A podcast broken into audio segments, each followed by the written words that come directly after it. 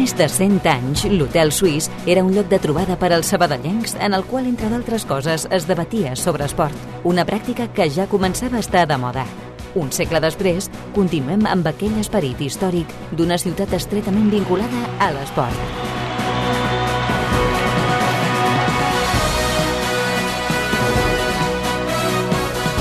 Hotel Suís, amb Adriana Arroyo. Què tal com esteu? És dimarts, dia 14 de febrer. Joan Sotera seguirà sent el president de la Federació Catalana de Futbol. El sabadellenc va tornar a guanyar la repetició de les eleccions, aquesta vegada amb més diferència, molt clarament, rebent el 57,6% dels suports, o dit d'una altra manera, 503 vots. Juanjo Isern va rebre'n 335, Pep Palacios 12 i van haver-hi 21 vots en blanc i dos nuls. Nosaltres hem sigut nets, hem sigut polits, han sigut unes eleccions superlegals, però superlegals, i ara doncs, en vindran doncs, el que en vinguin, com sempre, intentant mm, tornar a impugnar, i al final resultarà que el senyor Juan Quisens ens ha tornat un tram qualsevol. Negacionista i que vol entrar a la federació a base de repetir les eleccions, si convé, doncs 7, 8 vegades, 10 vegades, fins que entri d'una manera o altra. No, barrarem el pas de la gent que no s'estima el futbol català. Com escolteu, la cursa electoral ha acabat de la mateixa manera que durant tot el seu transcurs, és a dir, amb retrets enverinats. De seguida hi aprofundim. Tot l'esport de la ciutat, d'una a dues a l'Hotel Suís de Ràdio Sabadell. A les vies de so avui a quatre mans entre el Toni González i la Rocío García. Comencem. Què passa fora de l'hotel en un minut? L'Espanyol ha desaprofitat l'oportunitat de situar-se 11è a la primera divisió masculina de futbol, derrota a Perica per 2 a 3 contra la Real Societat en el partit que tancava la jornada. Els guipuscoans guanyaven 0-3 en el tram final de partit. Avui torna la Champions de futbol masculí a les 9 de la nit, partits d'anada de les eliminatòries de vuitens, Milan, Tottenham i Paris Saint-Germain, Bayern, partidàs, aquest últim sobretot. Domen Makuch ha renovat amb el Barcelona d'handbol per dues temporades més. El nou contracte del jugador eslové s'allarga fins al 2026 i Tadej Pogacar ha estrenat temporada guanyant i a més amb molta superioritat la clàssica Jaén Paraíso Interior. La resta del sumari. Es comenta la recepció. Escoltarem les valoracions de Joan Soteres, reescollit president de la Catalana, entrevista amb Ricard Pujol, lateral esquerre del Sabadell, també la vessant més personal de... Va, no ho direm, que si no després se'ns emprenya el Sergi Parc. Si ho heu vist a Twitter bé, si no, d'aquí una estona, un jugador del Sabadell, eh, mostrant la seva part més personal. També què perd el centre d'esports sense Pau Víctor a Elda. Com sabeu, el màxim golejador està sancionat. Escoltarem a Rubiales, president de l'Espanyola, que acaba de parlar sobre el model de la primera federació i, a més de tot això, també el triomf del Tibidabo Torre Romeu a Can Uriac o una mica de futbol juvenil. L'actualitat de la primera ref. Precisament el que dèiem ara, Rubiales, els esmorzars d'Europa Press, parlant de la categoria. Si hay alarma es porque hay quien quiere vender esto con, con alarma, pero la primera federación nació como una categoría experimental, no se engañó a nadie. Se dijo del primer minuto a todos los clubes, vamos a poner sobre la mesa un nuevo modelo y si funciona bien, y si no en dos, tres, cuatro años, se volverá al modelo anterior. Insisteixo que si voleu més Rubiales, d'aquí a una estona parlant més en profunditat de la primera federació, per cert, per segon dia consecutiu, protagonisme per un nom propi, Emre Cholak. Al final no marxa de l'Intercity, com va dir ahir, és a dir, l'endemà d'haver debutat amb els alacantins, sinó que continua allà.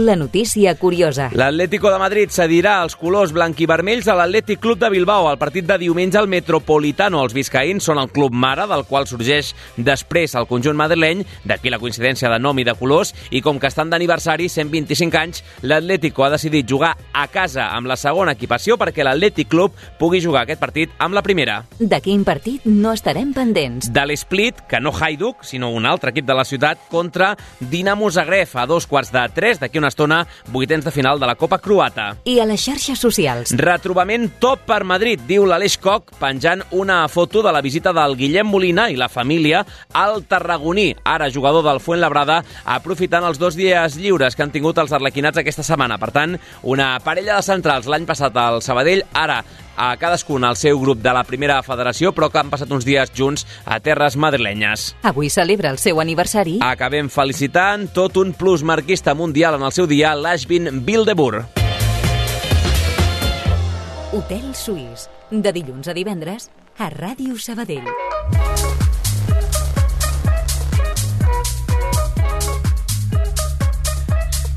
Som-hi va, comencem amb un nom propi, el de Joan Soteres, 9 minuts per sobre de la una. El sabadellenc ha revalidat el càrrec de president de la Federació Catalana de Futbol. Ha tornat a guanyar les eleccions ahir amb més diferència encara que en els comicis de fa 9 mesos que van ser molt més ajustats. El Tribunal Català de l'Esport, com sabeu, va ordenar repetir aquestes votacions, anul·lant un total de 175 vots i, a diferència del primer cop, aquesta vegada eren 3 els candidats i no pas 4 després que Àlex Talavera quedés fora de la cursa electoral electoral. Una absència que al final ha acabat beneficiant Soteres, ja que en el primer cas es va imposar per només 26 vots, ahir ho va fer per més de 160 respecte a Juanjo Isern, qui va ser el segon. Aquesta era la primera valoració de l'expresident del Centre d'Esports, un cop reelegit per liderar 4 anys més l'ens federatiu. Crec que hem demostrat, hem guanyat amb escreix, i per tant doncs, demostrem de que el futbol català vol que governem nosaltres el futbol català. Estan d'acord amb nosaltres que el que hem de fer és començar a treballar mm, de nou pel futbol català i seguir traient la corrupció que hi havia dintre del futbol català. Seguirem treballant doncs, perquè la serietat i la netedat i la transparència estigui dintre del futbol. La crítica ferotge per això no s'ha acabat, eh? Entre Soteres i Isern ha continuat un cop fet ja l'escrutini. El candidat alternatiu ha felicitat amb una nota de premsa, amb un comunicat, al guanyador i ha destacat el descens que hi ha hagut en la participació del 85% al 70% ahir i, per contra, el sabadellenc l'ha acusat de no saber perdre i de voler entrar, diu, a la federació per la porta del darrere. Que se'ns ha tornat un, un Donald Trump qualsevol que vol entrar a la federació repetint eleccions una darrere l'altra. Doncs pues, bueno, pues, això és la tàctica que crec que no se li té que permetre. Per això hi ha els tribunals, per això estem, estaran ells denunciaran, perquè he dit abans, és la rabieta dels que no saben perdre. I això doncs, ho pot fer-ho, que no té, no té cap més sortida que aquesta, perquè no té cap més tipus de capacitat que aquesta. Parlant clar, eh? Soteres, l'escoltàvem també a l'inici del programa defensant que tot el procés electoral ha estat legal, tot i els rumors i tot i el que s'ha arribat a publicar en els darrers dies. El reelegit president de la Federació Catalana de Futbol afirma que no hi ha marge possible per una nova repetició dels comicis. Hem sigut curosos i hem seguit al peu de la lletra totes les recomanacions i tot el que va marcar el Tribunal Català de l'Esport per repetir aquestes eleccions si encara troben coses mal fetes, bueno, ells sabran, ells sabran, perquè ells s'inventen, s'inventen lo inimventable per tornar a intentar tornar a repetir aquestes eleccions i intentar, ja dic, entrar a la federació per la porta darrere, que és l'únic lloc que poden entrar. El que dèiem abans, els retrets que han continuat un cop ja tancades les urnes ahir a les 7 del vespre. Per cert, aquí a Sabadell, al Col·legi d'Olímpia, la victòria va ser molt clara també per Soteres. Van votar 33 dels 43 clubs censats aquí, amb 28 suports pel sabadellenc i tan sols 5 per Isern. El tercer en qüestió, Pep Palacios, no va rebre cap vot de Sabadell i en el global tan, tan sols es van dur una dotzena de suports. Twitter, Instagram, Facebook, Telegram, YouTube, Twitch. Segueix Ràdio Sabadell a les xarxes socials.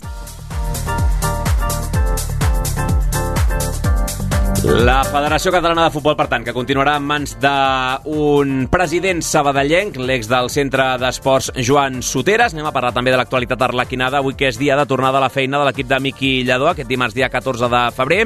Sergi Garcés, què tal, com estàs? Bona tarda. Avui l'actualitat gira al voltant de l'entrenament que ha dut a terme l'equip a Sant Oleguer. Sí, el dia de tornada a la feina, després d'aquesta doble jornada de descans, de desconnexió que va donar Miqui Lledó eh, després de la derrota, tot s'ha de dir, davant el Numancia del passat cap de setmana, però aquests dos dies de descans que han servit també per oxigenar, per recuperar cames i cap, en el cas d'algun eh, futbolista, i per pensar ja des d'avui, com dius, en aquesta sessió a l'anella esportiva de Sant Oleguer, a l'estadi Josep Molins, doncs per pensar ja, com diem, en la visita d'aquest proper cap de setmana, diumenge, en aquest cas, al nou Pepi Comat per jugar al proper repte que té l'equip de Lledó, déu nhi el repte, davant el líder, a casa del líder, un líder que no ha perdut com a local, recordem l'únic equip del grup 2 que no ho ha fet encara com a local i que no és un altre que el Club Deportiu Eldense. Bé, un duel entre dos equips que venen de perdre.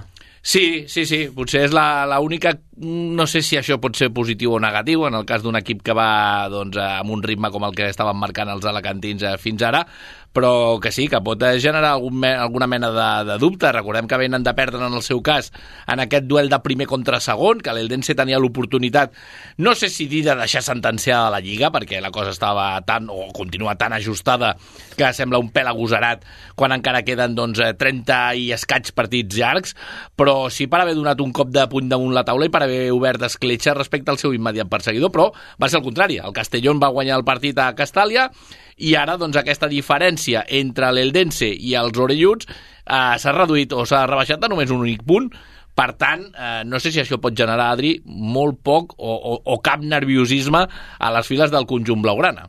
Bé, a l'altre grup hem vist, per exemple, el Córdoba, com han encadenat victòries i victòries i victòries, i de cop i volta s'ha frenat la ratxa i han agafat una dinàmica molt negativa. Veurem si es repeteix o no. No li desitgem cap mal a l'equip d'Elda, al conjunt blaugrana, però com a mínim, si més no, si aquesta setmana no Aquest fan la feina... setmana sí, no li desitgem algun mal. mal. no, una petita derrota, una ensopegada a casa i ja Sí. està. Amb això en tenim prou. A partit amb baixes, amb Pau Víctor, que no podrà ser de la partida per sanció, amb Àlex Martínez, el lateral de l'equip alacantí, que també es perd el compromís, en aquell cas per una expulsió, la que va veure en el tram inicial del partit a Castàlia.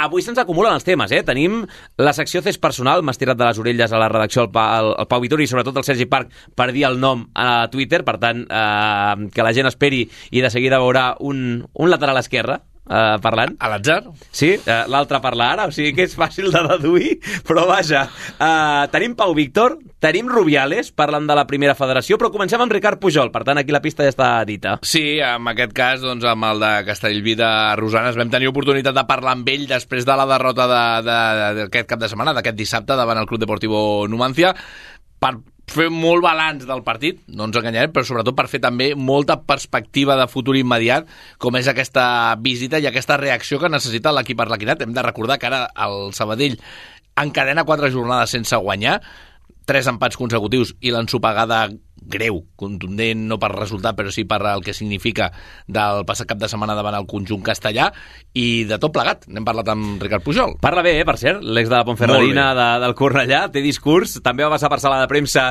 i crec que la primera resposta gairebé dos minuts, minut i mig ben, ben llargs, amb el Sergi Garcés, cinc minutets, i Ricard Pujol comentant una miqueta l'actualitat arlequinada. Amb Ricard Pujol, jugador del Sabadell, Ricard, avui amb aquella sensació sempre agra, eh? avui no es pot buscar ni el puntet dolcet per, per cap lloc. Jo et diria que per mi, personalment, i, i per les sensacions que teníem dins del vestidor, em, la sensació que surts o, o que tens quan arribes al vestidor a la mitja part no és gens la que, la que hem tingut avui al, a l'acabar el partit. Eh, al, al, a la mitja part hem tingut una mica de bueno, què estem fent i, i realment què volem fer, com volem encarar aquesta segona part i jo crec que s'ha vist una mica més totes les intencions que teníem d'anar cap endavant, de, de demostrar que, que volem molt més, que, que volíem guanyar el partit, que volíem remuntar el, el resultat i bueno, eh, tinc les sensacions de tristes, no? com dius tu, una mica agres de, de, de veure que, que se'ns escapen, se'ns escapen tres punts, jo veia molt viable i estava molt confiat dins del camp de que remuntàvem segur, estava convençut, però no, no, han, no han acabat d'arribar han acabat d'arribar els gols, les ocasions que hem tingut dins de l'àrea les hem d'acabar de rematar millor. Eh, darrere no hem de, no hem de donar cap eh, oportunitat al rival i, i jo crec que és amb el que ens hem de concentrar de cara aquí al, al nou rival que no, que no és gens fàcil. Sabíem que el Numancia era un equip ordenat, que, que potser no donava moltes alegries de mig cap endavant, però que de mig cap enrere tenia molt clar el que no havia de passar pels seus interessos. No sé si avui ha faltat encert, precisió, si hi ha hagut un punt de precipitació, i no parlo només dels minuts finals, eh? a l'hora de resoldre fins i tot aquestes arribades que ha tingut l'equip. Numància ha vingut a el que havia de venir, no? Ha sigut molt agressiu fins que ha aconseguit el gol, després s'ha guardat a darrere, aquí és on ens hem aprofitat nosaltres i hem tingut les, les ocasions que, que comentes, no hem tingut l'encert, jo crec, de- d'acabar de, de, de resoldre el, el, el resultat i, i res més, ja et dic, és la sensació aquesta de, de, de, de, de llàstima, de, de ràbia, una mica d'impotència ara que s'ha acabat el partit, de veure que, que avui hauria d'haver sigut nostre. S'ha acabat aquesta dinàmica de cinc jornades sense perdre, que l'equip havia encadenat, eh, aquesta sensació de que a poc a poc anava creixent, arriba avui una, una frenada en sec, que no pot ser una altra que la d'un impuls més cap endavant, de tornar a posar el comptador de zero. Sí, volíem tornar a trencar aquesta dinàmica de, de no perdre amb, amb guanyar, ha sigut, ha sigut al revés, però, però ja et dic, les cares i les sensacions de l'equip dins del vestidor són de nanos, són molt, són molt i podem, podem fer molt més i, i sabem que ho farem, que això és el que em dona a mi més convenciment per, per aquest equip, no? tot i aquest resultat de veure com, com hem fet el partit és el que em dona la confiança i, i, i això que et comento, el convenciment per, per saber que el Sabadell donarà molta feina. Ara toca pensar, i aquest comptador en zero, mirant a l'horitzó més proper, clar, qualsevol pensaria, hosti, si hi ha una plaça on s'ha d'anar a buscar, perquè segurament totes les apostes serien en contra, és a casa del líder, allà contra un Eldense, a l'espera del que pugui passar, que sap ben bé, que, que està molt ben encaminat i construït per al seu objectiu com dic, una plaça d'aquelles per donar un cop de puny de veritat damunt la taula. Sí, exacte. Jo crec que per un jugador sempre tens la motivació més que enraonada amb aquests partits, anar al camp del líder a mi per sempre és, és un al·licient que, que, que durant el que ve de setmana per preparar la jornada no, no t'han d'explicar res, més que de, de saber el que et trobaràs, un equip que, que no només és molt bo i té molt bons jugadors, sinó que està amb la fletxa mirant cap a dalt i, i li surt tot bé. És el, el moment ideal, com dius tu, per, per fer aquest, com, aquest cop de puny sobre la taula i dir prou, eh, nosaltres també estem al, a, al vostre nivell per plantar-vos cara i estic convençut de que sí. Ja sé que no estaves en el partit de la primera volta i amb això acabo, però el que sí que ha demostrat aquest Sabadell que ha crescut en quant a, al seu convenciment de ser competitiu. Ho dic perquè aquell primer partit va donar la sensació que l'Eldense no que ho va tenir molt fàcil, però que el Sabadell no va saber com frenar el, el potencial que té el conjunt a, a la Cantí des d'aquest convenciment i des d'aquesta capacitat de, de competir, eh, m'imagino que per posar-li les coses més difícils, com a mínim si vol continuar guanyant a casa, que sigui suant de valent. Sí, jo crec que el, el canvi de mentalitat de, de no mirar sempre quins jugadors tenen ells, sinó mirar-nos a nosaltres mateixos quins jugadors som, és el, el que està canviant ara mateix la mentalitat de, de l'equip, d'estar de, convençuts de que som bons jugadors, que som bones plantilles, venim d'on venim qui sigui de tota la plantilla, que, que cadascú té una bona història per, per explicar, però, però estem agafats tots de la mà i, i anirem cap endavant. Gràcies, Ricard. Moltes gràcies, bona nit. Tot l'esport de la ciutat, d'una a dues a l'Hotel Suís de Ràdio Sabadell. You shot me so damn You shot me, then you got me, I'm like damn amb Ricard Pujol hem començat avui el programa. Per cert, Sergi, dues pinzellades ràpides, una anecdòtica, perquè no ens esquitxa massa. Bàsicament, eh, el de Norte, un dels eh, grups d'animació de l'Eldense, queixant-se del tracte rebut a Castàlia en aquest partit que comentaves. L'altre sí que afecta una mica més. Hem llegit també des de Terres Alacantines els preus populars que preparen el nou Pepi Comat pel partit d'aquest diumenge a les 6 allà. El que s'espera, per tant, és que hi hagi força presència de públic. Mica en mica no és un estadi on l'entrada sigui molt superior als 2.000 espectadors en el millor dia, però sí que és veritat que tenim aquest punt d'informació de saber que a mesura que ha anat avançant la temporada i a mesura que l'equip el Denc ha anat eh, consolidant-se en la part alta, s'ha anat animant la parròquia, molt em fa tema que aquest de diumenge, en un horari per ells, per ells, no pels que s'hagin de desplaçar des de Sabadell, prou bo, 6 de la tarda de diumenge és una hora molt bona per anar a futbol a casa, tot s'ha de dir, eh, s'intueix que entre una cosa i una altra. El moment que viu l'equip, encara tot i la derrota a Castelló, etc etc que viurem ambient dels bons, en aquest cas el nou Pepico Amat, un enemic, enemic més, un rival més, que es trobaran els del Miquillador, en aquest cas, a, a Terres a la Cantina. Com si no en tinguessin prou, ja amb el que tindran al davant. Anem a veure amb l'embarbussament com, com ho anem dient. Pau Vituri parlant de Pau Víctor. Pau, com estàs? Què tal? Bon dia. Ahir al Tribuna Preferent teníem a la Nissaga Víctor, en general. A, a mi em va faltar la pregunta de si als pares se'ls havia acudit d'anomenar Víctor algun dels fills. Massa fàcil, no? No, Víctor, Víctor. Víctor, Víctor. No anirà a Elda, no anirà al Pepico Amat, baixa sensible, perquè va veure la cinquena groga contra el Numancia. Avui feia números, són 13 jornades seguides les que ha estat sense estar en un estat, el Sant Cugatenc. Per tant, déu nhi la de temps que estava percebut i finalment ha acabat caient. Eh, una, situació, una situació que teníem molt coll avall. Eh, segurament dèieu ahir al tribuna preferent que posats a perdre's un partit que sigui al camp del líder i Sí. tenir-lo després als duels directes, no? Sí, jo també aquí ho signaria, però, però és cert que estem parlant d'una baixa sensible.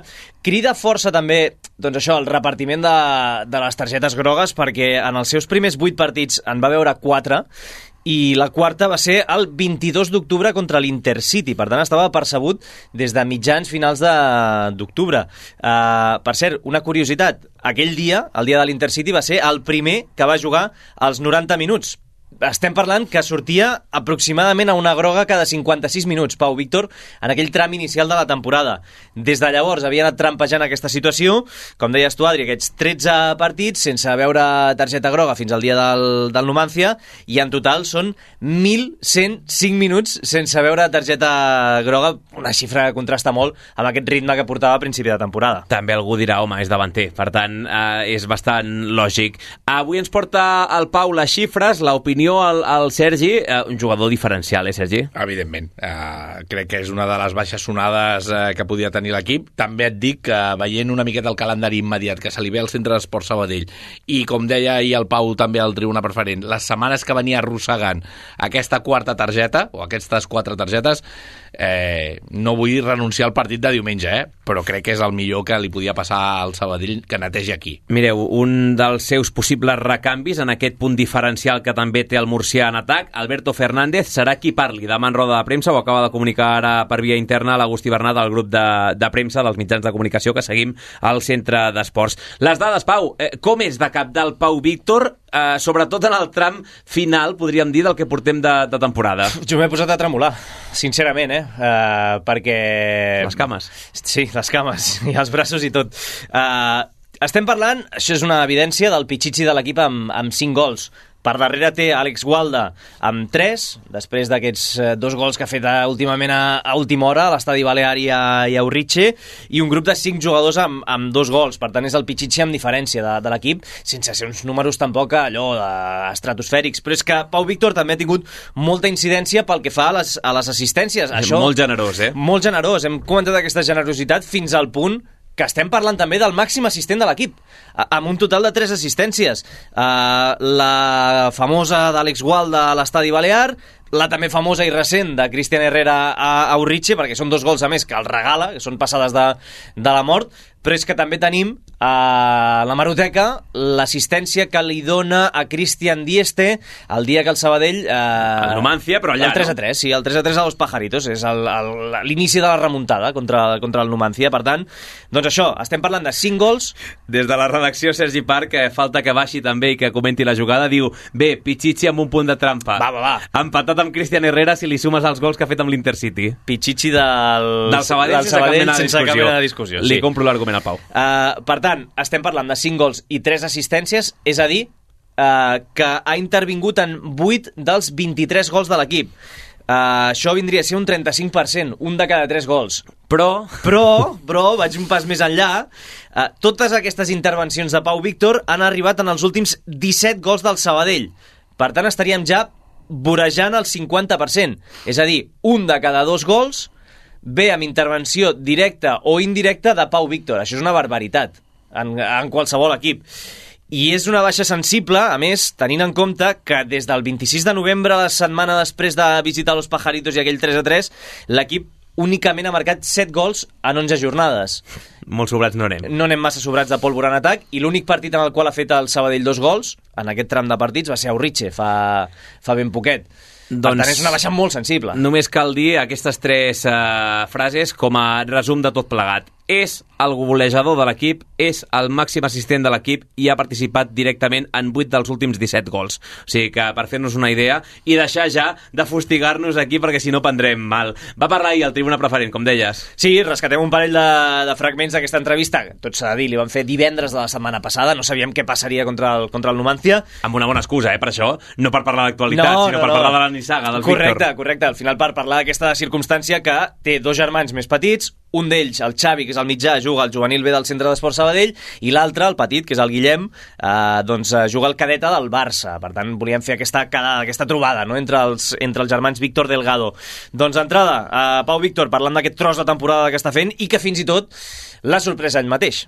Jo vaig venir amb la idea de tenir minuts eh, en una categoria com és la primera ref, que és molt competitiva, però sí que és veritat que, que, ostres, que si hagués hagut d'escriure un guió abans de començar temporada, pues, pues segur que no hagués escrit un com el que estic visquent, eh, em sento molt important, eh, noto que tant l'afició com el cos tècnic com l'equip pues, pues m'apoya molt i, i, hòstia, i noto molt el seu suport i bueno, espero que, que pugui seguir tornant aquesta, aquest suport a, amb accions dins del camp, 5 gols, assistències o, o donant el que sigui per l'equip i res, eh, molt orgullós de, de formar part d'aquest equip. Doncs eh, amb orgull de formar part del primer equip del Centre d'Esports Pau Víctor, que ja ho vam explicar a l'estiu, eh, a banda de ser un futbolista cedit pel, pel Girona, té passat a l'obrador arlequinat després de, de jugar com a juvenil de primer any a, Olímpia hi ha aquest puntet també més romàntic, no? De... Deixa'm fotre el pal en directe perquè hem rigut a la vegada Sergi Garcés i servidor, grup de WhatsApp dels esports de Ràdio Sabadell,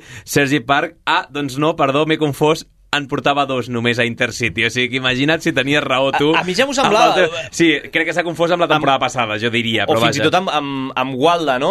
El fet de portar tres. Uh, si comptem els dos de l'Intercity i aquest en porta tres empatat amb, amb Gualda. Però no recordava algú a l'Intercity que portés tants gols com... En fi. Diria que Solde, no? Mm, Ara Sí, també a, la. Copa, a la Copa va fer-ne tres, segur, Ah, contra perdó, el Barça. perdó, Chemi, Chemi. Ah, és el, Chemi, és el sí, màxim Chemi golejador. Fernández, Solde no, Chemi, sí. Um, ja no sé ni on estava. Això, Futbol base. Sí, Pau el, Víctor. a, a, aquest puntet romàntic, no?, de, de tornar al centre d'esport Sabadell després de- d'haver passat uh, per l'Obrador com a juvenil de primer any. Des de que vaig marxar només tenia paraules eh, bones cap al Sabadell perquè, hòstia, les, les, les temporades que vaig estar aquí van ser espectaculars i, i quan parlava de, de la meva experiència aquí inclús m'emocionava de, dels records que tenia i de lo viscut Doncs, de la comarca, han passat al futbol base amb un germà l'obrador arlequinat i sent el màxim assistent i el màxim golejador del Centre d'Esport Sabadell per molts més paus, Víctors, Pau, Victorí.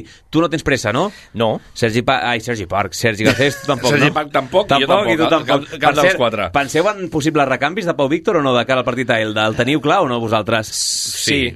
Sí, va, és el mateix? Eh, És a dir, jo, jo em llenço a la piscina. Crec que Cristian Dieste hauria d'actuar en punta d'atac. Aquest, però, per mi no, però per mi no ho farà. Aquest cop que heu escoltat a la taula era Sergi Garcés eh, Reafirmant que crec que hauria, però crec que no ho serà. I per darrere... I qui serà llavors? Per mi crec que jugarà Cristian Herrera. I per darrere anava a dir llavors aquí la competència entre Cristian Herrera, Moja Keita... Alberto, no? Alberto... A mi Alberto m'està m'està agrada- em va agradar força l'estoneta. Jo I... veig a Moja en una banda, Estals tornant a l'11 a l'altra banda, amb Moja com a enganxe, que dirien, dir, i un canvi- Cristian Herrera per davant. un canvi de dibuix. És, és la meva història. Amb quatre, llavors amb quatre al darrere, Eh. no? Mm. Doncs uh, aquí queda dit, eh? és eh, dimarts, hi ha temps de sobres Ui, tant. i tot just és la primera sessió de la setmana preparant el partit, per tant, estigueu atents a l'antena de Ràdio Sabadell. M'espereu un moment, eh? Sí, sí. De seguida parlem de la primera federació, ara una nova entrega del CES personal.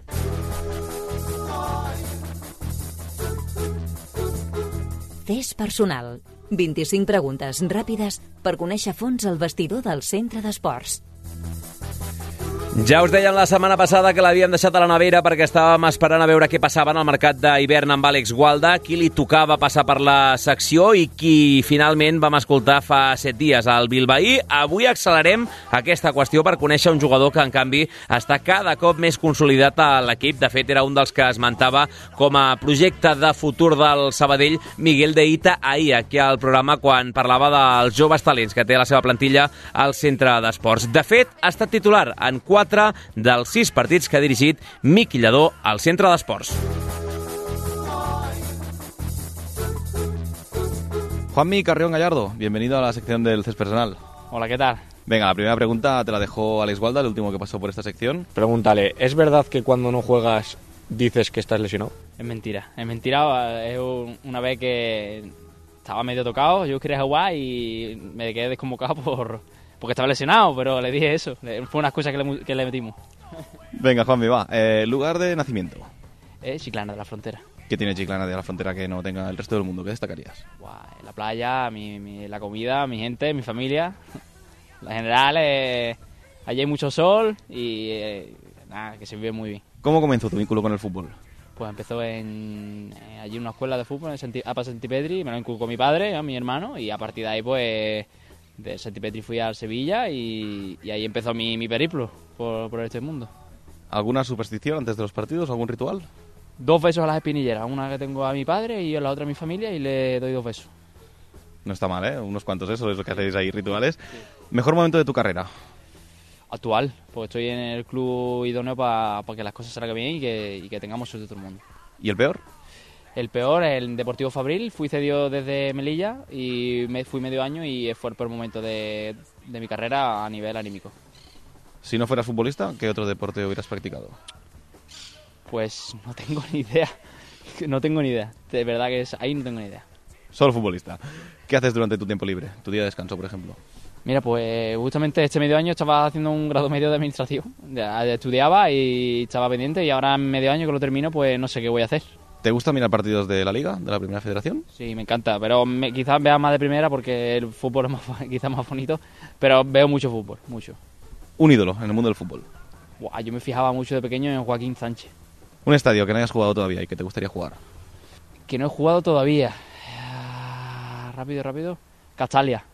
¿Castalia? ¿No has jugado en Castalia? No, no he jugado, no, no, he, no he estado dentro. He estado calentando, pero no he jugado, no he jugado de, de por sí. Curioso, curioso.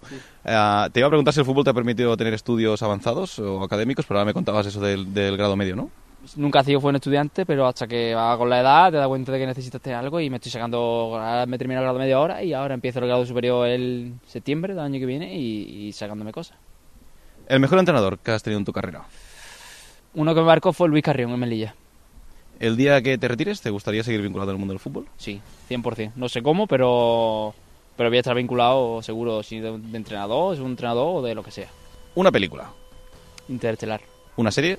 Peaky Blinder. Buena. ¿Y una canción? Eh, te digo, te digo, eh, Manuel Carrasco, no dejes de soñar. ¿Vives en Sabadell? En Tarrasa. En Terrassa, ¿eh? Va, te voy a preguntar una, una cuestión de aquí, de, de la ciudad. ¿Conoces la Sociedad Coral Colón?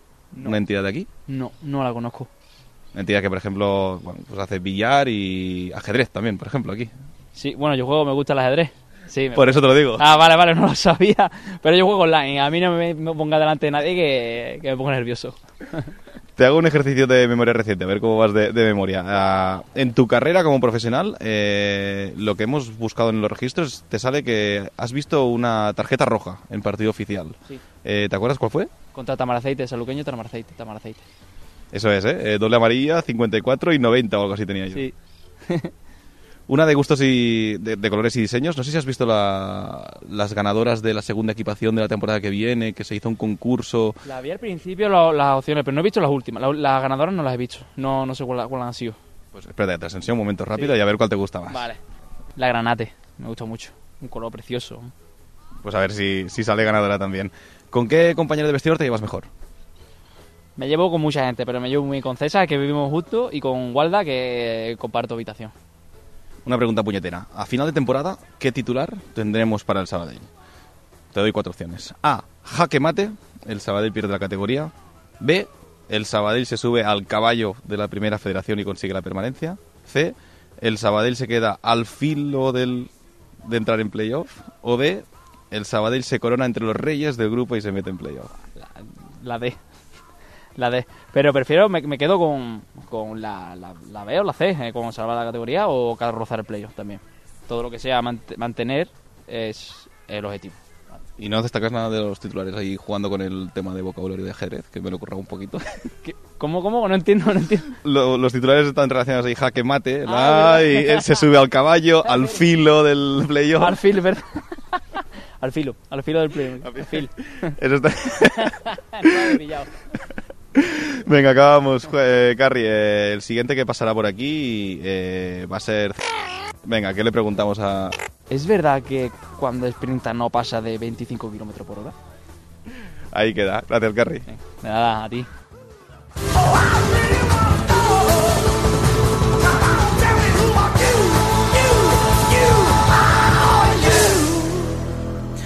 Juanmi Carrion, el veí a Terrassa, eh, malauradament diríem, a la ciutat veïna de César Morgado, el company d'habitació quan viatgen amb l'equip a l'hotel d'Àlex Gualda i amb el rei incomprès, el rei eh, dels semàntics, eh, Sergi Parc, i les seves eh, paraules aquí entrellaçades. Va, anem a parlar una miqueta de la primera federació.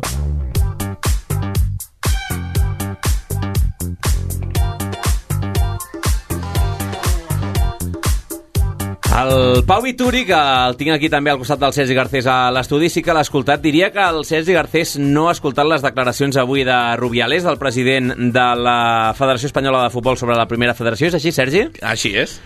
I saps més o menys de què va el Sí, tema? sí, sí, sí, sí. Abans de res, eh, estava als esmorzars d'Europa Press avui Luis Rubiales. Continuem parlant de futbol, no? No ha fet cap declaració Ah, no de dir- no dir, ara m'has deixat fora de joc. Aquestes no les he escoltat jo. Perquè amb Rubiales sempre s'està molt atent. No, perquè- no, hoy no ha hablado de un kilo de cocaïna Va, en el cotxe. No, avui no, avui no, avui no, avui no. Uh, sobre la primera federació, que ha parlat de tot una mica, però ens hem centrat en això.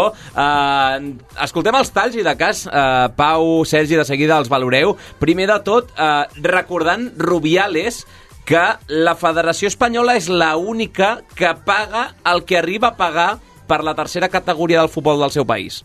Lo que nosotros no podemos hacer es poner encima de la mesa veintitantos millones de euros para 40 clubes, cuando, por ejemplo, la única otra federación europea de nuestro entorno que pone dinero es Francia y pone 232.000 euros a repartir entre todos, y nosotros ponemos más de 20 millones de euros y que generen deuda. No lo, no lo podemos consentir.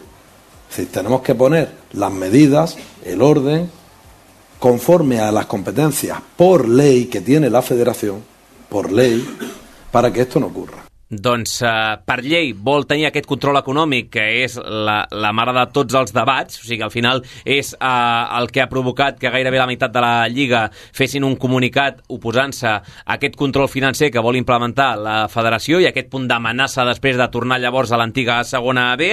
Uh, un altre de Luis Rubiales dient que no seguiran posant els calés que posen ara mateix sobre la taula. Yo creo que más claro no lo puedo decir, que hay diferentes posibilidades encima de la mesa. Desde luego lo que no vamos a seguir es poniendo encima de la mesa cada año veintitantos millones de euros, cuestión que no hacen ni en Francia, ni en Inglaterra, ni en Italia, ni en Alemania, ni en Portugal, en ningún país. Nosotros lo hacemos y encima tener que escuchar que es que es deficitaria la categoría, ¿no? I una més, sobre el model de competició, sobre si ha de continuar havent-hi primera federació com l'hem conegut l'any passat i aquest, o s'ha de tornar a un format més com l'antiga segona B, diu Rubiales que en tot cas això ho hauran de parlar no amb els mitjans, sinó amb els clubs. ¿Significa esto que vaya a desaparecer la primera federación o que se vaya a pasar al, al modelo anterior? Eso es algo que tendremos que comunicar y debatir con los clubes antes que con nadie por una cuestión de lealtad. Yo sé que ha habido clubes que han filtrado una carta, 16 clubes que han filtrado una carta. Nosotros no, nosotros se las mandamos a ellos directamente. Son los primeros en enterarse de cualquier cuestión. Doncs Luis Rubiales, avui als esmorzars d'Europa Press, parlant de la primera federació, amb retrets cap a aquests clubs rebels, amb allò que escoltàvem al principi del programa d'una categor categoria, ja direm bé, experimental i sense enganyar ningú, perquè ja se sabia des del principi que seria qüestió de foguejar-la i a veure com responia en les seves primeres edicions.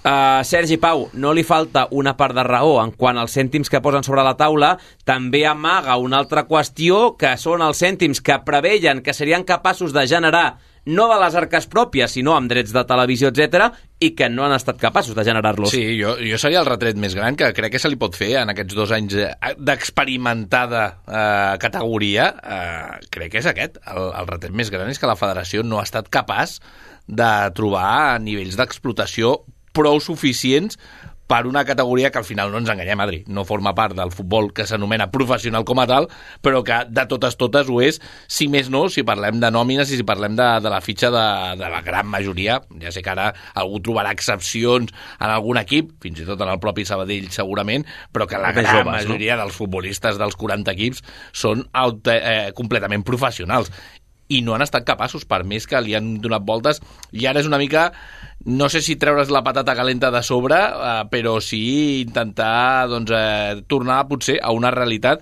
que crec que seria un pas enrere de totes totes. Llegint entre línies, el que crec que vol dir Rubiales és jo us estic donant de sèrie mig milió d'euros per cap, i potser és que és massa professional la categoria pel que sou capaços de generar, perquè al final eh, si estem movent aquests sous que s'estan movent a la categoria i es generen els dèficits, els deutes cada any a tantes places com se'n generen, potser el que toca, si a sobre us queixeu, que és que no és prou... Eh, no sé quina és la paraula que utilitzen els clubs rebels, eh, ara, però vaja, que, que costa de... que és deficitari al cap i a la fi, no? Doncs si tant us queixeu d'això, tornem al model antic i ja està. En tot cas, Pau, Pau, el que sí que ha comentat Rubiales és que això no és una qüestió d'ara per, per, per ja.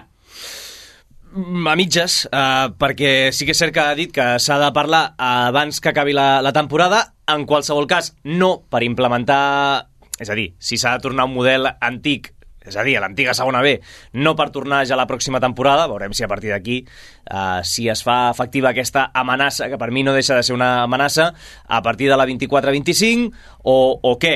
El més urgent, eh, segons eh, Rubiales, és això, el fet d'implementar aquest control econòmic, eh, que doncs, eh, hi hagi aquests, aquest mecanisme no? per, per evitar que, que la categoria generi més, més deute eh, i, i, en aquest cas, per part de la federació també, el fet de deixar de, de, de, de donar tantes ajudes a clubs que se salten la, la norma, però, però bé, en, en certa manera estic amb, amb la línia que, que comentàveu. Eh, el que no trobo tampoc massa, massa del tot um, adequat, i avui també ho comentava a Madrid a la redacció, és el fet de comparar-se amb altres federacions.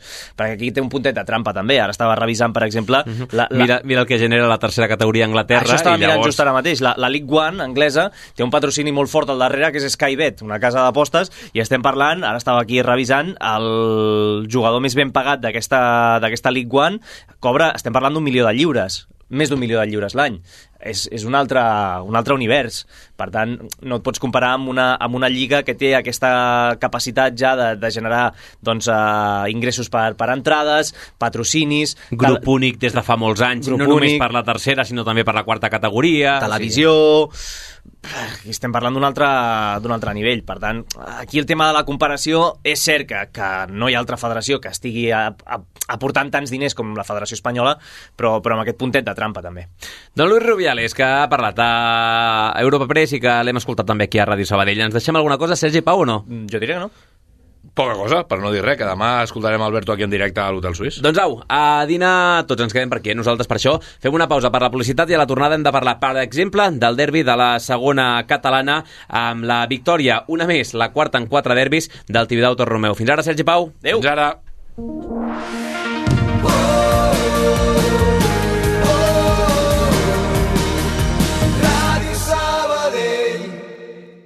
El dia 18 de febrer a les 11 del matí, al Mercat Central celebrem Carnestoltes amb un divertit concurs de disfresses infantils.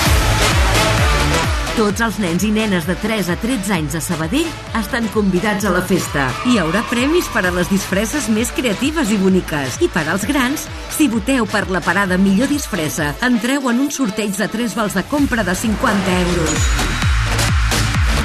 Vine al Mercat Central de Sabadell, inscriu els teus nens i gaudeix de carnestoltes. Som Sabadell, som família. Consulta la nostra web www.mercatcentralsabadell.com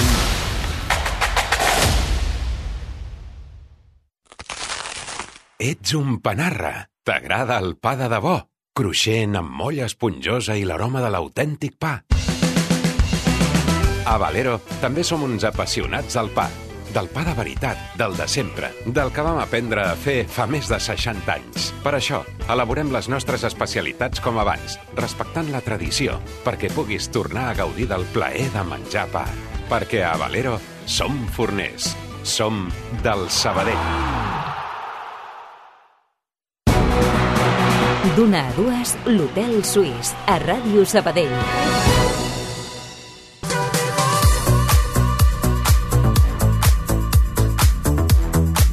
Dos minuts per sobre de tres quarts de dues, futbol territorial amb un comunicat que acabem de rebre d'entrada de l'Associació de Clubs de Sabadell i de Terrassa de manera conjunta explicant que s'han reunit en els últims dies per rebutjar i per condemnar enèrgicament qualsevol tipus d'acte violent com els que s'han pogut veure en diverses places, en, divers, en diversos camps de futbol. Aquesta nota conjunta parla d'un compromís de tots els clubs de les eh, dues ciutats de Sabadell i de Terrassa per millorar en aquest aspecte S'ha creat una comissió de seguiment per establir protocols i que vagin a la baixa aquests actes incívics de violència en el futbol i, sobretot, per mi el més remarcable, no es descarta organitzar un cap de setmana de partits a porta tancada directament al futbol base i territorial de Sabadell i de Terrassa en senyal de protesta i perquè vagin a menys aquests casos de violència a les graderies, sobretot també als terrenys de joc perquè al cap i a la fi la violència no tingui espai en el món del futbol.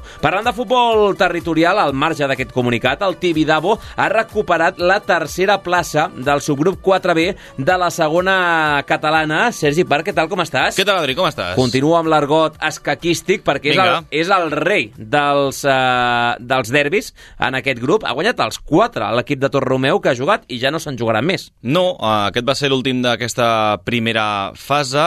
El que sí és cert, Adri, és que al final els de Torromeu necessitaran una ajuda per aconseguir l'últim bitllet per la fase d'ascens, perquè l'avantatge, per exemple, és de dos punts respecte al Ripollet, que és ara mateix el quart classificat, però és que, clar, els de Toni Salles han jugat tres partits més i només els queda una jornada per tancar la primera fase. Ajuda, després de l'1-3 a Canurià contra el Sabadell Nord d'aquesta setmana, dels dos equips sabadellencs que estan implicats en aquesta guerra, eh? Sí, sí, sí, sí, sí, sí. i ara en, en, en parlarem també, però uh, en tot cas, uh, pel que fa als interessos de, dels de Torre Romeu, Adri, uh, doncs hauran de confiar que els rivals més directes, els seus principals competidors, doncs punxin en les pròximes setmanes per per tenir opcions, insistim, d'acabar tercers i jugar a la fase d'ascens. Com a mínim el que dèiem, que el Tibidabo sí que pot presumir d'haver-se endut tots els derbis disputats, quatre en total, els dos contra el Sabadell Nord i els dos contra el Can Rull, i aquest últim a Canuriac gràcies a un hat-trick de Toni Mesa. Tres gols del davanter i tres talls ràpids que escoltarem de, del jugador del Tibidabo. El primer, posant en valor el gran partit que va signar el seu equip contra el Sabadell Nord.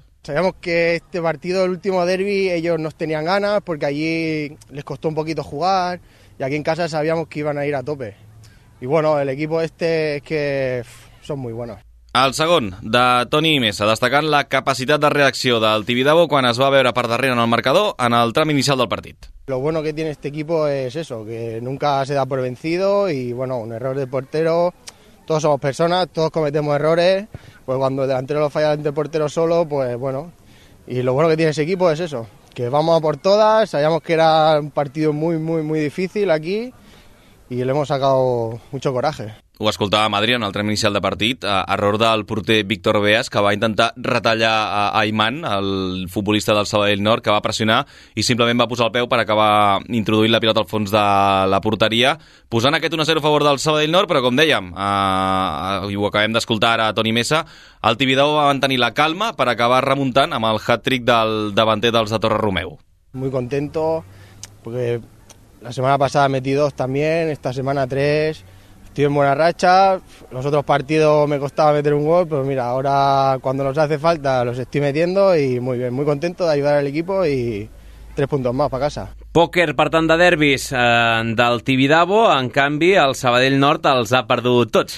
Sí, els ha perdut tots. El Sabadell Nord, Adri, si els cas, quatre... El somriure de Sergi Parques perquè havia escrit a la Sí, peça sí, sí, perdó. dues vegades sí, sí, Sabadell havia Nord. no, no, no, no, evidentment, evidentment, perquè havia posat aquí pòquer de, de derbis del Sabadell Nord, però no, del Tibidabo, i el Sabadell Nord és l'equip que ha perdut els, els quatre partits, aquests duels locals, contra els equips sabadellencs, i per tant els de David Campuzano també, Adri, saben que aniran al grup de la permanència a la segona fase i el seu capital, Andrés Montero, es mostra molt autocrític, ja no només per l'actuació en aquests derbis, sinó per la temporada que està signant l'equip Arlequinat en general. Ya pensaremos en los derbis del año que viene, pero este año no es un poco para olvidar. Sí, puede ser que no, no, no, no, no, no, no, no lo hemos tomado en todo serio y no, no hemos estado bien, no hemos tenido esa suerte, un poco, un poco de suerte no hemos tenido tampoco. Y la verdad es que no, no, no es que no, no, hemos estado a altura de ni, ni toda la temporada ni, ni los partidos, ni en todos los partidos, ni en la mayoría de los partidos. I a tot això, a més del derbi, també jugava el Can Rull Rómulo Tronchoni, el Camp del Cué, el San Lorenzo i els de José García Numoski van ensopegant el pitjor moment, podríem dir. Sí, Adri, perquè no, no va passar de l'empat a un i ara, atenció, el Can Rull ja no depèn de si mateix per acabar tercer en aquesta lluita en la qual ho dèiem abans també està el Tibidabo immers i el central Alejandro Mallen, que va ser el golejador dels arlequinats, ho lamenta. Es un pinchazo porque nosotros al final queremos estar arriba y tenemos el objetivo, bueno, ahora que quedan tres, cuatro partidos, intentar estar arriba, intentar luchar por el tema de, de, quedar entre los tres primeros. Y entonces pues visto así sí que es eh, un pinchazo porque también jugamos contra un equipo que, que iba último y bueno, nosotros también veníamos en una buena dinámica y bueno, al final sabe a poco el punto y sí que es un pinchazo, la verdad que se considera un pinchazo.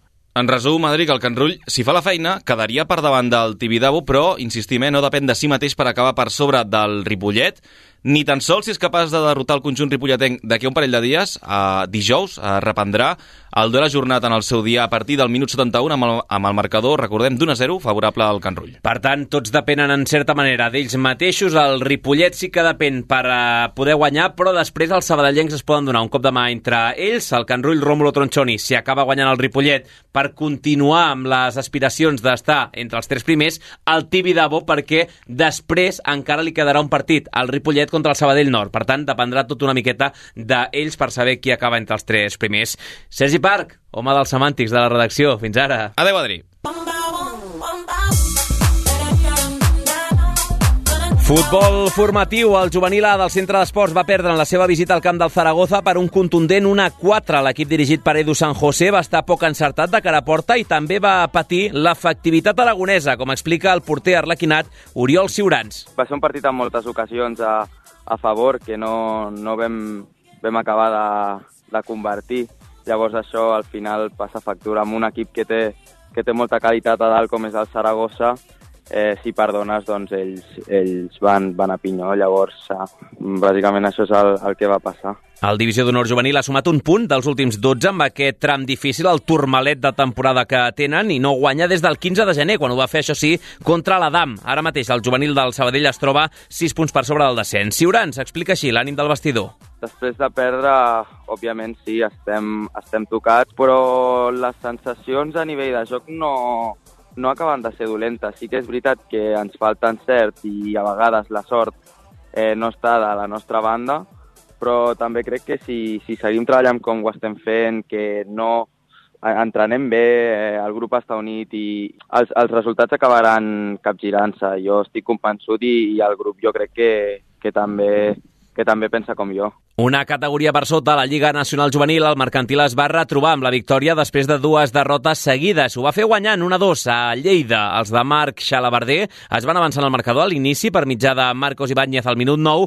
però als 60 van veure com el Lleida empatava el partit. Amb la necessitat de guanyar sí o sí, va aparèixer el migcampista Gerard Torres faltant 4 minuts per donar-li la victòria al conjunt mercantilista. El protagonista de l'últim gol narra així la jugada. El, el partit en principi estava controlat, però quan no maten els partits en, aquí a la Lliga Nacional, al final et marquen un gol i, i se't torna al revés el partit. I la jugada, em penso que va ser Hugo Santana, que li va donar el cap, va tirar la pilota darrere de, del seu central, va haver-hi una espècie de rebot dins l'àrea i amb, amb l'esquerra la vaig fotre dintre. L'equip blaugrana és cinquè després d'aquesta victòria i en l'última posició que donaria l'ascens a Divisió d'Honor lluitant amb el Nàstic Manresa i amb un Gavà que encara té un partit pendent. I a la mateixa nacional juvenil, el juvenil B del Sabadell va perdre per la mínima precisament contra un dels rivals directes en aquesta part alta de la classificació del mercantil com és el gimnàstic de Manresa en un partit molt disputat que es va decidir faltant eh, res, poc més de 10 minuts pel final amb un penal favorable als del Bages. Ethan Otero, jugador del conjunt arlequí Quinat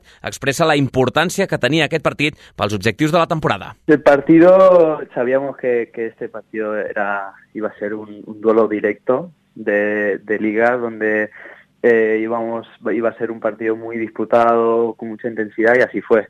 Eh, nosotros eh, impusimos nuestro juego en el cual sí que la primera parte pues nos costó entrar, no encontrábamos eh, no estábamos del todo cómodos, pero, pero tuvimos, sobre todo la segunda parte, ocasiones eh, muy claras para, para ponernos por delante en el marcador. Ara mateix l'equip de Conrad Garcia es troba a la novena posició d'aquesta Lliga Nacional Juvenil després d'aquesta derrota i a 8 punts del líder que és l'Espanyol B. La pròxima jornada dels juvenils de Nacional, com que depenen de la catalana i amb Carnaval s'atura la competició, serà la setmana vinent, mentre que la divisió d'honor juvenil, que depèn de l'Espanyola, sí que té activitat aquesta setmana amb el juvenil A del Centre d'Esport Sabadell, que jugarà aquest dissabte contra el Constància d'Inca, que es troba 3 punts per sobre.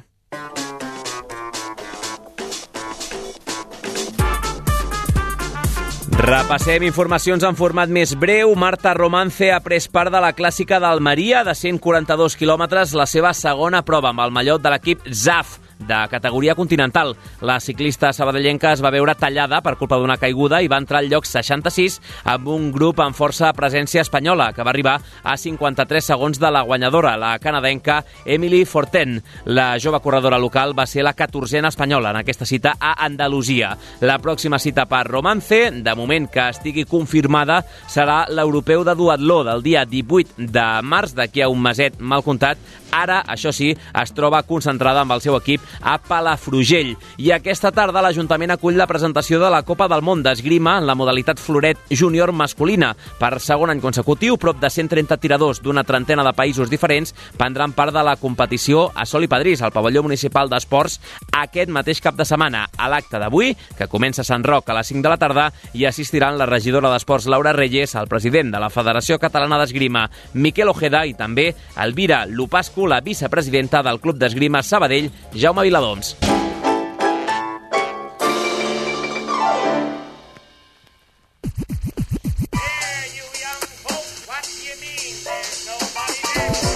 Ràpidament, en qüestió de 30 segons, repassem les previsions de cara a demà amb la roda de premsa d'Alberto Fernández, del atacant de Moratalla, que parlarà a la nova Creu Alta i l'escoltarem en directe aquí a l'Hotel Suís. També buscarem a jugadors que hagin estat a l'Eldense i al Centre d'Esport Sabadell al llarg de la seva carrera. Tindrem precisament aquesta prèvia de la Copa del Món d'Esgrima Floret Júnior masculina. Es presenta d'aquí a un... tres horetes a Sant Roc, a l'Ajuntament. I també tindrem rugby, tenis taula, bàsquet o voleibol, entre d'altres coses.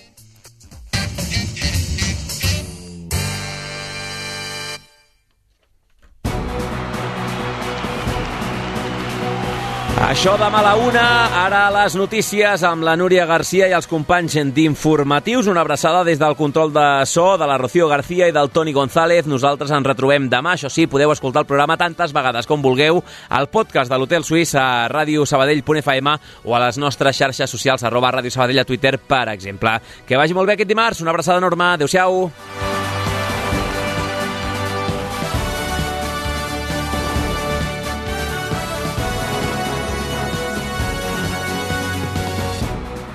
Tot l'esport de la ciutat, d'una a dues a l'Hotel Suís de Ràdio Sabadell.